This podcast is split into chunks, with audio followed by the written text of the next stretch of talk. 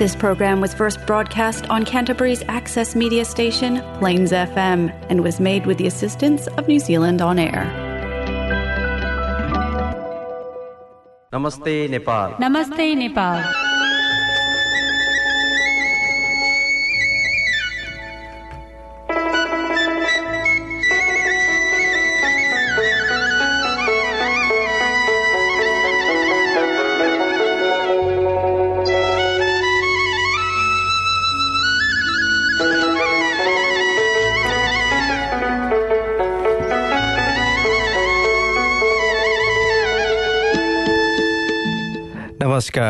Plains F M ninety six point nine mega हजमा यो हो क्राइसिसवासी नेपालीहरूको आफ्नै कार्यक्रम कार्यक्रम नमस्ते नेपाल। संसारकै टोपी सागर माथा हो। यही टोपीको तेरो फेरो हाम्रो गाथा हो। हजुर श्रोताहरू Nepal New Zealand friendship society क्यान्चबरीको साप्ताहिक रेडियो कार्यक्रम कार्यक्रम नमस्ते नेपालको एक अर्को अङ्कका साथ यहाँहरूको घर आँगन रेडियो सेटमा आइ नै सकेको छु। क्राइसिस आसपासमा यदि हुनुहुन्छ भने यहाँहरू Plains FM ninety six point nine मेगाहर्सको यो फ्रिक्वेन्सी मेड मोडुलेसन मार्फत यहाँहरू हामीसँग जोडिन सक्नुहुनेछ। त्यस्तै क्राइस्टस आसपासमा वा आफ्नो न्युजिल्यान्डभर र संसारको जुनसुकै स्थानमा रहेर पनि यहाँहरूले एफएम डट ओआरजी डट एनजेडमा गइसकेपछि यही समयमा अहिले हामीसँग प्रत्यक्ष रूपबाट रेडियो यात्रा गर्न सक्नुहुनेछ।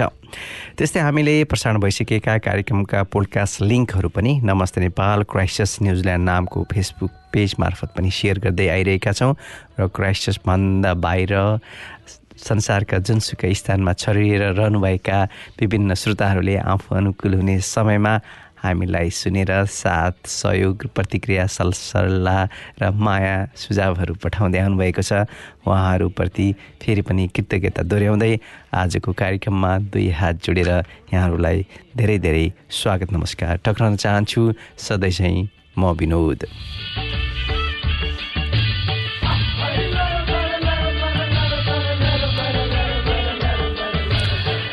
हजुर श्रोताहरू दिनचर्याहरू बितिरहेका हुन्छन्। हप्ताको पहिलो दिनको यो बसाइ पनि आइ नै सकेको छ। यहाँहरूको व्यस्तताहरू रहेका नै छन् अनि हामी विशेष गरी अहिलेको परिप्रेक्ष्यमा त अब आउँदो हप्ताको सुरुवातमा हुने नेपालको वा भनौँ मक्सी चार गतेको निर्वाचनकै तर्फ हाम्रा ध्यानहरू आकर्षित आकृष्ट भएका छन्। कसैको राजनैतिक झुकावहरू आग्रहहरू होलान् पूर्वाग्रह त नेपालमा कति मात्र छैन होला त्यो आफ्नै ठाउँमा भयो। त्यही पनि पाँच वर्षमा एकपटक हुने निर्वाचनले केही न केही परिवर्तन र सकारात्मक सन्देश र आशाका किरण किरणहरू लिएर आओस्। हामी यस्तै खालको शुभेच्छाहरू धेरै लामो समयदेखि गरि नै रहेका छौँ। त्यस्तै अब न्युजिल्यान्डमा पनि अब बिस्तारै अब लगभग हामी नोभेम्बरको पनि दोस्रो हप्ता पारै गर्ने सङ्घारमा आइ आइसक्दाखेरि बिदाका समयहरू लगभग सुरु हुने तयारीमा छन्। विदेश विदेशमा बसिसकेपछि यो आउने अङ्ग्रेजीमै भन्दाखेरि लामो बिदा वा भनौँ लङ हलिडेजको पनि केही प्लानहरू योजना कार्ययोजनाहरू यहाँहरूका पनि सोचमा वा भनौँ अझै पनि तयारीमै छन् होला जस्तो लाग्छ। श्रोता अहिले विशेष गरी अब भोट र निर्वाचनको कुराहरू पनि हाम्रै आसपासमा छन्। अब घर छिमेकी गाउँघरको साथीभाइहरूसँग कुरा हुँदा पनि यस्तै खालको कुराहरू भइ नै रहेका हुन्छन्। त्यही पनि अब सामाजिक सञ्जालको नजिकमा रहिसकेपछि हाम्रा ती कुराहरू त्यति नजिक वा भनौँ त्यति टाढा त छैनन् त्यस्तो जस्तो लाग्छ हामीलाई होइन?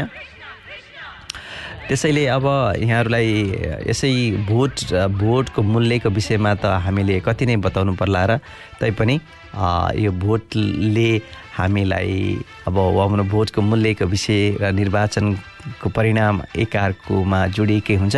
त्यसैले यो भोट हाल्नु अघिको प्रक्रियासँग जोडिएको यो प्रसङ्ग आजको सुरुवातमा जोड्न चाहेँ। श्रोता भोट एउटा औपचारिकता केही मिनट लाइनमा बसेर लगाइने एउटा छाप मात्र होइन। भोट लोकतन्त्रको सार हो। भोट नागरिक सार्वभौम भौम सत्ताको अवधारणाबाट निश्रित वर्ण लिङ्ग धर्म र समुदायको सबैको भोट एक बराबर नै हो। लोकतन्त्रमा राज्य शक्तिका स्रोत नागरिक हुन् र त्यो शक्ति भोट मार्फत अभिव्यक्त हुन्छ। यही नै भोटको सार र सौन्दर्यता हुन्छ। सबैलाई थाहा छ नेपाल सबैभन्दा संसारकै सबैभन्दा गरिब मुलुकमध्ये एउटा हो। यसको प्रति आय मुस्किलले तेह्र सय डलर रहेको छ। भने अहिले देश संसारमा उच्चतम एक लाख तिस हजार डलर प्रति व्यक्ति आय भएका देशहरू पनि भइ नै सकेका छन्। विश्व औसत मात्रै पनि चौध हजार डलरभन्दा माथि गइसकेको अवस्थामा नेपालको कुरा भने यही अमूर्त विषयहरूमा नै केन्द्रित रहेका हुन्छन् र चुनावका मुद्दाहरू बनिरहेका हुन्छन् र हामी त्यसैको पछाडि लह लह गरेर नै बिताइरहेका हुन्छौँ। दृढ इच्छा शक्ति सुस सुस्पष्ट योजना समर्पित भावले काम गर्ने हो भने देश तिन दशकमा कहाँबाट कहाँ पुर्याउन सकिन्छ। सिङ्गापुरले त्यो पुष्टि गरिसकेको छ। दक्षिण कोरिया दक्षिण अफ्रिकाले त्यो पुष्टि गरिसके। संसारका अरू धेरै देशहरूले यो कुरा पुष्टि गरिसकेका छन्। आधुनिक सिङ्गापुरका निर्माता लिक्वान युले त्यो सफलताको कथालाई from third world to first वा को सिङ्गापुर स्टोरी पनि सन् दुई हजार पैँसठीदेखि दुई हजारमा अफि अभिलेखित नै गरिदिए। नेपाल मात्र के सधैँ गरिब निम्छरो भ्रष्ट र कुशासित रहन अभिशप्त मुलुक हो त्यसैले भोट हाल्नु अघि यो प्रश्नमा एकपटक सोच्ने कि नसोच्ने हामीले यसरी नै अहिले हाम्रा भोट दिने आफन्त साथीभाइहरूलाई बुझाउनु पर्ने भएको छ। नबुझेको भन्दा पनि परिस्थितिजन्य अप्ठ्यारोका पनि कारणले एक भोटको मूल्यले हामी पाँच वर्षपछि फेरि प पछुताउने सङ्घारमा छौँ कि जस्तो पनि लाग्छ। यद्यपि राजनीतिक अधिकारको प्रयोग गर्दा भविष्यको बारेमा पनि सोचिदिने हो कि भन्ने हाम्रो एउटा शुभेच्छा मात्र रहेको छ। श्रोता अब यो त नेपालको चुनावसँग जोडिएको प्रसङ्ग भयो। अब विश्व जनसङ्ख्या पनि अब आठ अर्ब पुग्न लागिसकेको यो प्रसङ्ग पनि म जोड्न चाहेँ। संयुक्त राष्ट्रसङ्घको आर्थिक तथा सामाजिक मामिला विभागले सार्वजनिक गरिएको ओल्ड पपुलेसन प्रो प्रोस्पेक्ट सन् दुई हजार बाइसको रिपोर्ट अनुसार सन् दुई हजार बाइसको नोभेम्बर पन्ध्रमा विश्वको जनसङ्ख्या आठ अर्ब पुग्नेछ। त्यस्तै सन् दुई हजार पचाससम्ममा विश्वका आठ देशमा सबैभन्दा तीव्र रूपमा जनसङ्ख्या वृद्धि हुनेछ। त्यसमा Congo Egypt Ethiopia Bharat Nigeria Pakistan Philippines र तान्जिनिया रहेका छन्। मानिसको सङ्ख्या बढ्ने दरमा पछिल्लो केही दशकदेखि गिरावट आइरहेको भए पनि सन् दुई हजार सैँतिससम्ममा विश्वको जनसङ्ख्या नौ अर्ब र सन् दुई हजार अन्ठाउन्नसम्ममा संसारको जनसङ्ख्या दस अर्ब पुग्ने अनुमान रहेको छ। श्रोता यसरी आजको कार्यक्रमको सुरुवातमा यहाँहरूलाई यो मिठो गीत प्रेस गीत भन्न आयो। यो प्रसङ्ग यहाँहरूलाई सुनाइ नै सकेको छु। त्यसपछि अब यहाँहरूलाई एउटा मिठो गीतको अब क्रम यहाँ जोड्न चाहन्छु। आउनुहोस् यो गीत सुनिहालौँ। त्यसपछि बाँकी रहेका प्रसङ्गहरू त म जोड्ने नै छु।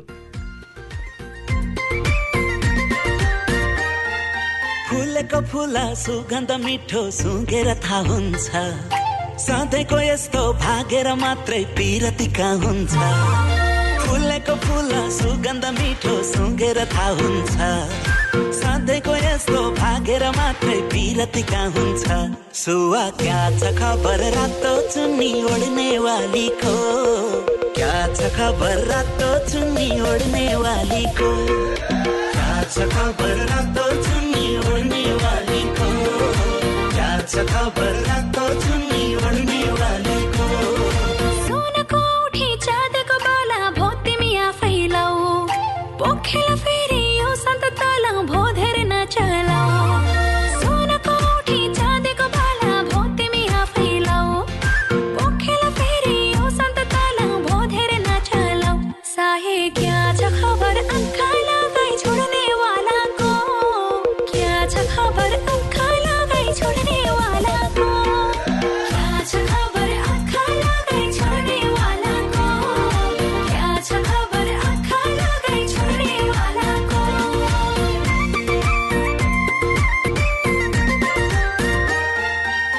असोज गयो कार्तिक गयो मङ्सिर आइसक्यो।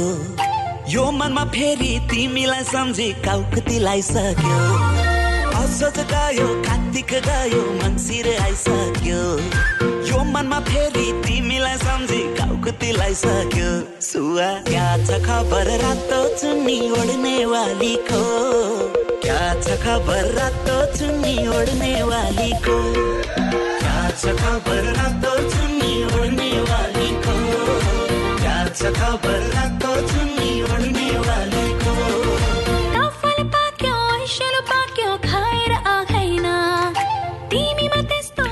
हजुर श्रोताहरू बेलुका आठ बजेदेखि कार्यक्रम नमस्ते नेपालमा यस्तै मिठास सहितका मिठो मिठो गीत सङ्गीतहरू सहित नेपालीहरूसँग जोडिएका र नेपालीहरूलाई सँग जोडिन सक्ने खबर सामग्रीहरू कार्यक्रम नमस्ते नेपालमा हामीले समेट्दै आइरहेका छौँ। र श्रोता अब यहाँहरूलाई अहिले पछिल्लो पटक न्युजिल्यान्डमा बिजुली वितरक पावर कम्पनीहरूले सेयर धनीहरूलाई बढी लाभांश दिइसकेपछि उठेका आवाजहरूको छोटो प्रसङ्ग यहाँ जोड्न चाहे। न्युजिल्यान्डका बिजुली वितरक पावर कम्पनीले सेयर धनीहरूलाई बढी लाभांश दिएको प्रति गम्भीर हुनका लागि सरकारलाई अनुरोध गरिएको छ। वा भनौँ सचेत समेत गराइएको छ। ऊर्जा गरिबीमा बाँचिरहेका एक लाखभन्दा बढी किवीहरूलाई व्यवस्था गर्दै ठुलो पावर कम्पनीहरूले सेयर धनीलाई थप लाभांश प्र- प्रदान गरिसकेपछि सरकारले त्यसमा हस्तक्षेप गर्नुपर्ने आवाज समेत उठेको छ। सन् दुई हजार चौधदेखि सन् दुई हजार एक्काइससम्ममा चारवटा ठुला बिजुली वितरक कम्पनीहरूले सामूहिक रूपमा बिलियन डलर बढी सेयरधनीहरूलाई नाफामा कमाएको भन्दा तिन दशमलव सात बिलियन डलर बढी तिरेको देखिएको छ। श्रोता यसरी बिजुली आ, इनर्जी पोभर्टीमै रहिरहेका उपभोक्ताहरूलाई व्यवस्था गर्दै यसरी लाभांश बाँडिसकेपछिको यो आवाज हो श्रोता। लाभांश भनेको कम्पनीबाट नाफा बाहिर बनाइएको पैसा वा भने आम्दानी हो। तिनीहरूलाई पुनः मूल्याङ्कन वा सम्पत्ति बेचेर वा आफ्नो वस्तु र सेवा बेचेर प्राप्त गर्ने गरिन्छ। जीवनको लागत वा भनौँ कस्ट अफ लिभिङको सङ्कट परिरहेको बेलामा समेत पावर कम्पनीहरूले बिजुलीको मूल्य बढाएका छन् र देशलाई देश बढाएका छन् भने अर्कोतर्फ देशलाई यसको जलवायु लक्ष्यमा वा न्युजिल्यान्डको जलवायु लक्ष्यमा दस वर्ष पछाडि धकलिएको कुरा पनि यस प्रसङ्ग सँगसँगै उठेको छ जसरी सेयर धनीहरूलाई बढी लाभांश दि दिँदाखेरि कुनामा पारिएका वा छेउमा लगाइएका व्यक्तिहरू वा भनौँ किवीहरूको समस्यालाई पनि हेरिदिनका लागि आग्रह गरिएको प्रसङ्ग थियो श्रोता। त्यस्तै श्रोता हुन त विकसित देशहरूका पनि आफ्नै समस्याहरू छन् र तीमध्ये दाँतको स्वास्थ्यको पनि कमजोर अवस्था रहेको अहिले पछिल्लो पटक न्युजिल्यान्डमा पनि देखिएको छ। न्युजिल्यान्डमा दाँतको स्वास्थ्यको कमजोर अवस्थालाई नयाँ रिपोर्टले उजागर उजागर गरिदिएको छ। यो प्रतिवेदनले न्युजिल्यान्डमा चालिस प्रतिशत र माउरी र पेसिफिक को जनसङ्ख्याका आधा व्यक्तिहरूको व्यक्तिहरूले दाँतको आर्थिक रूपले हेरबा हेरचाह गर्न नसक्ने उपचार गर्न नसक्ने अवस्थामा रहेको देखाएको छ। प्रत्येक वर्ष एक चौथाइ अ, न्युजिल्यान्डवासीहरूले दाँत उखालेर फाल्नुपर्ने अवस्थामा पुगेका छन् भने यसरी पुग्नुमा पनि सामान्य दाँतका समस्याहरू झाङ्गिँदै गएपछि र त्यसलाई उपचारको विधिमा संलग्न हुन नसक्दाखेरि वा भनौँ एफोर्ड गर्न नसक्दा अङ्ग्रेजीमा भन्नुपर्दा एफोर्ड गर्न नसक्दाखेरि सामान्य दाँतका समस्याले पनि विग्र रूप लिइसकेपछि वर्षेनी रूपबाट एक चौथाइ न्युजिल्यान्डवासीहरूले दाँत उखालेरै फाल्नुपर्ने अवस्थामा पुगेको यो अध्ययनले देखाएको छ। यस बिचमा लागत त अब उपचार खर्च त भइ नै हाल्यो। लामो पर्खाइको समय त्यस्तै यातायात आउने जाने यातायातको अभावले गर्दा पनि उनीहरूले दाँतको उपचारको पहुँचमा आउन नसकिरहेको उक्त अध्ययनले देखाएको छ। अर्कोतर्फ वरिष्ठ दन्त चिकित्सकहरूले निशुल्क रूपबाट नै पनि दन्त उपचारको लागि आह्वान गरिसकेको अवस्था छ। श्रोता यसरी न्युजिल्यान्डमा पनि अन्य खालका समस्याहरू छन्। अब कस्ट अफ लिभिङको कुराहरू उठिरहेको छ। यसैमा पनि दाँतको समस्या पनि ठुलो र जीर्ण भन्दै जीर्ण त अब सामान्य भयो। यो ठुलो ठुलो रूपबाट बढी नै रहेको छ। श्रोता अब हामीले क्रिकेट अस्ट्रेलियामा भएको टी ट्वेन्टी प्रतियोगिताको फाइनल हामीले सोचे जस्तो रूपबाट त्यति साह्रो आक्रामक हुन सकेन। यद्यपि अप्रत्याशित रूपबाट नै अब अर्को चरणमा पुगेको अब गएको इङ्ल्यान्डले अब अप्रत्याशित त के भनौँ अब अस्ट्रेलियाको रन रेट कम भएको कारणले चरणमा सेमिफाइनलमा पुगेको इङ्ल्यान्डले भाग्य चम्काउँदै यसपालिको टी ट्वेन्टीको उपाधि जितेको छ। पाकिस्तानलाई सजिलै हराउँदै। त्यस्तै अब फुटबलको महासङ्ग्राम वा भनौँ विश्वकप पनि अब कतारमा हुन लागिरहेको छ। कतार स्टेडियम वा भनौँ रङ्गशाला बनाउँदै गर्दा श्रमि श्रमिकहरूको दयनीय अवस्थाको कुराहरू पनि साथसाथमा उठिरहेको छ भने अब त्यस्तै कतारको फुटबल वर्ल्ड कप पनि अब बिस्तारै सुरु सुरु हुन लागिरहेको छ। अब त्यसको खेलका अन्य पक्षहरू सँगसँगै अहिले यसपटक कतारमा महिला रेफ्रीहरूले पनि पहिलोपटक विश्वकप खेलाउने भएका छन्। यही प्रसङ्ग मैले यहाँ जोड्न लागेको हो। यस अर्थमा महिला रेफ्रीले विश्वकपको नयाँ इतिहास बनाउँदैछन् र इतिहास रच्ने सङ्घारमा रहेका तीन महिला रेफ्रीहरू रेफ्रीहरू फ्रान्सकी स्टेफेनी फ्रम्पार रोवान्डेकी सलिमा मुकासन्गा र जापानकी योसिमी यामासिता रहेका छन्। र यसरी नै अब क्रिकेटको कुराहरू फुटबलको कुराहरू भइ नै हाल्यो। यस सँगसँगै बेलुका आठ बजीदेखि सुरु भएको कार्यक्रम नमस्ते नेपालको म लगभग मध्यान्तरमा आइ नै सकेको छु। अब यहाँहरूलाई अर्को मिठो रमाइलो गीत प्रस्तुत गर्न चाहन्छु। त्यसपछि फेरि पनि अर्को चरणका प्रसङ्गहरूलाई यहाँ उठाउने नै छु। बयान गर्न ब्रह्मा र विष्णुले प्रेमको कहानी रचे राधा र कृष्णले मदनले नि एक्लै छाडे गाका हुनुलाई सुख खोज्दै भोलि फेरि सँगसँगै हुनलाई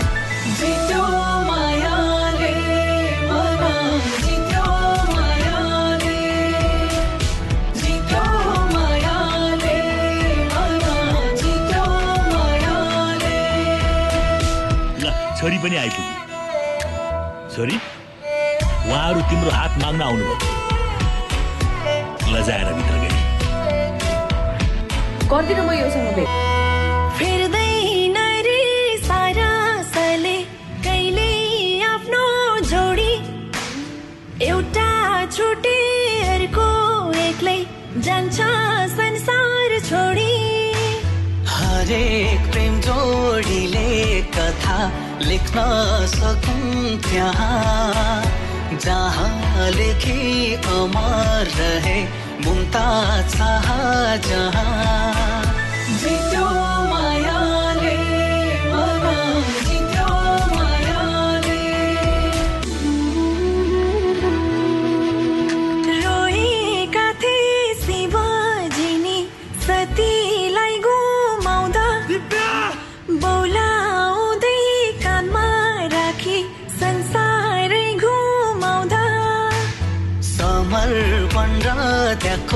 छाप छोडी गए बरै लैला मज्नु मुना मदन भोक धुरै। जित्यो मायाले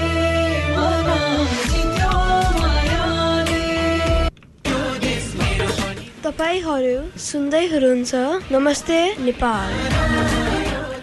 हजुर श्रोताहरू यो गीतपछि फेरि पनि यहाँहरूलाई कार्यक्रम नमस्ते नेपालमा हार्दिक हार्दिक स्वागत गर्न चाहन्छु। अब हामी अब बिस्तारै कार्यक्रमको उत्तरार्धमा आइ नै सकेका छौँ। बाँकी रहेका प्रसङ्गहरू उठाउँदै गर्दाखेरि अब चुनावी प्रसङ्गका कुराहरू त हामीले समेटि नै सकेका छौँ। त्यस्तै अब नेपाली भूमिहरू विशेष गरी भारतले छ दशक अगाडि हरपेका नेपाली भूमिको चर्चा पनि चुनावी एजेन्डा नै छन्। पुल धारा अनि सडकका कुराहरू त छन् अनि खानेपानीका समस्याहरू पनि छन्। यद्यपि हाम्रो यो चुच्चे नक्सालाई अब चुनावी मुद्दा बनाइएको छ भने अहिले सन् उन्नाइस सय बैसठीमा भारत र चिनको युद्धपछि नेपालको उत्तर पश्चिम बिन्दुमा रहेको सामरिक दृष्टिले महत्त्वपूर्ण कालापानी क्षेत्रमा स्थायी रूपमा भारतीय सुरक्षा फौजको उपस्थिति रहेको छ जुन नेपाल भारत सम्बन्धको सबैभन्दा ठुलो समस्याका रूपबाट देखिन्छ भने सत्तामा र शक्तिमा र त्यो स्थानमा पुगेका बेलामा भने मौन रहनेहरू चुनावको बेलामा भने एजेन्डाको रूपबाट भाषणहरू गर्ने गर्छन्। भारत चिन युद्ध सकिएको आउँदो मक्सिर पाँच गते साठी वर्ष पुरा हुँदैछ। त्यो एकतिस दिने युद्धको असर भारत र चिनमा मात्र सीमित रहेन पुरै एसियामा पर्यो। नेपाल त्यसबाट अछुतो रहन सकेन। युद्ध र त्यसले सृजना गरेको परिस्थिति छ दशकदेखि नेपालको राजनीतिमा एउटा निर्णायक विषय बन्दै आएको छ। नेपाली भूमि कालापानी लिपुलेक लिम्पियाधुरा समेटिएको चुच्चे नक्सासँगै जोडेर आउने विषय नेपालको कालापानी क्षेत्रमा रहेको भारतीय सैनिक ब्यारेक पनि हो। सन् उन्नाइस सय बैसठीको भारत चिन युद्धपछि उत्तर पश्चिम बिन्दुमा रहेको नेपालको सामरिक दृष्टिले महत्त्वपूर्ण कालापानी क्षेत्रमा स्थायी रूपमा भारतीय सुरक्षा फौज बसिरहेको छ। जुन नेपाल भारत सम्बन्धको सबैभन्दा ठुलो समस्याको रूपबाट लिएको छ र देखिएको पनि छ। त्यस्तै श्रोता अब अब निर्वाचनको कुरै गर्दाखेरि दक्षिण अस्ट्रेलियामा केही समय अघि भएको स्थानीय निर्वाचनमा नेपाली मूलकी रेणुका लामा काउन्सिलर पदमा निर्वाचित बनेकै छन्। लामा यस राज्यमा काउन्सिलर पदमा जित हासिल गर्ने नेपाली मूलकी पहिली महिला पहिलो महिला समेत हुन्। यसअघि न्यू साउथ वेल्स राज्यमा नेपाली मूलकी भद्र वाइबा पहिलोपटक काउन्सिलर पदमा विजय बनेकी थिइन्। हामीले पनि न्युजिल्यान्डमा क्राइस्टर्समा र टिपुकेमा यसअघि नेपालीहरू पनि त्यस क्षेत्रको बोर्ड मेम्बरहरू भएको कुरा हामीले उल्लेख गरिसकेका थियौँ। श्रोता अब यो प्रसङ्ग पछि अब हामी यो हप्ता परेका विशेष कार्यक्रमहरू वा भनौँ यो हप्ता परेका विशेष दिनहरूको प्रसङ्ग अब उठाउन लागिरहेका छौँ। नमस्ते नेपाल। श्रोता मक्सिर एक गते बिहिबार नोभेम्बर सत्र तारिकका दिन नेपालको इतिहासमा विशेष दिन रहेको छ। त्योभन्दा अगाडि नोभेम्बर चौध वा भनौँ विश्व मधुमेह दिवसको छुटो प्रसङ्ग उठाउन चाहन्छु। विश्वमा अहिले छ्यालिस करोडभन्दा बढी मानिसहरूमा मधुमेह भनौँ डायबिटिज देखिएको छ। नेपालमा पनि आठ प्रतिशतसम्म व्यक्तिहरूलाई डायबिटिज भएको हुन सक्ने अनुमान रहेको छ। चिकित्सकहरूले डायबिटी डायबिटिज हुने सबैभन्दा जिम्मेवार कारणलाई हाम्रो जीवनशैली नै मान्दछन्। स्मरण रहोस् जीवनशैली र वंशाणुगत कारणले वर्षेनी विश्वभर लाखौँ व्यक्तिहरू मधुमेहको शिकार बनिरहेका छन्। त्यसैले नोभेम्बर चारका दिनमा पर्ने विश्व मधुमेह दिवसको यो प्रसङ्ग उठाउँदै गर्दा यहाँहरू पनि कृपया सचेत भन्ने प्रयास गर्नुहोला। श्रोता अघि नै भने जस्तै मक्सिर एक गते नेपालको इतिहासमा एउटा विशेष दिनको रूपबाट पनि रहेको दिन रहेछ। यो दिन नेपालका लागि ऐतिहासिक दिनको रूपबाट छ भन्ने कुरा कमैलाई थाहा हुनसक्छ वा आफ्नो बिर्सिएको वा आफ्नो स्मरणमा कमी हुँदै गएको पनि हुनसक्छ। त्यो अर्को कुरा भयो यो दिन राजा पृथ्वीनारायण शाहले नेपाल एकीकरणको घोषणा गरेको दिनको रूपबाट पनि मानिन्छ। यही कारणले मक्सिर एकको दिनलाई नेपाल दिवसका रूपबाट मनाउनु पर्ने आवाज पनि कहिलेकाहीँ सुनिन्छ। तर राजा र राज संस्थाको विषयको कुरा गरिसकेपछिको सोचाइ र त्यसप्रति हेरी नजरका कारणले भने अलिकति हच हच्किने अवस्था नेपालमा छँदैछ। नेपालका बाइस तथा चौबिस राज्यहरूलाई एक बनाउने अभियान पृथ्वीनारायण शाहले सुरु गरेकाले नै मक्सिर एक गते गरेको त्यो मक्सिर एक गतेका दिनकै कारणले गर्दा आज हामी गर्वका साथ नेपाली भन्न पाएका छौँ। भन्नेहरूको सङ्ख्या एकातर्फ छ भने अर्का असहमत राख्ने व्यक्तिहरू पनि छँदैछन्। श्रोता यसरी बेलुका आठ बजेदेखि सुरु भएको कार्यक्रम नमस्ते नेपालमा। आजको यो रेडियो यात्रालाई यहीँ आएर बिट मार्न चाहन्छु। आउँदो साता अब मक्सी चार गतेको मतदान त भइ नै सक्नेछ। त्यसको परिणामहरू बिस्तारै आउने छन् नै। हामी त्यो सँगसँगै अन्य जोडिएका प्रसङ्गहरूका साथमा मिठा मिठा नेपाली गीत सङ्गीतहरू लिएर आउने नै छु। तबसम्मका लागि हामीलाई सुनेर साथ दिनुभएकोमा यहाँहरू सम्पूर्ण सम्पूर्ण श्रोताहरूलाई हृदयदेखि नै कृतज्ञता व्यक्त गर्दै आजको साँझबाट भने म विनोदलाई आज्ञा दिनुहोस्। नमस्कार शुभरात्रि।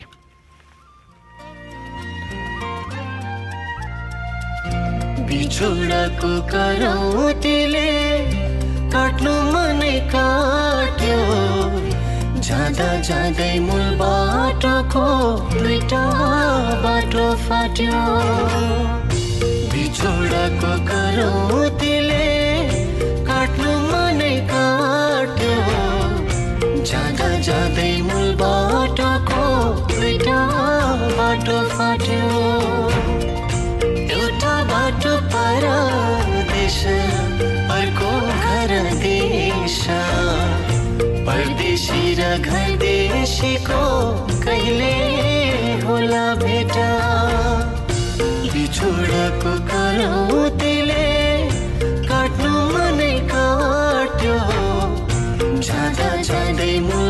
बाटोको दुईटा बाटो फाट्यो। नमस्ते नेपाल नमस्ते नेपाल।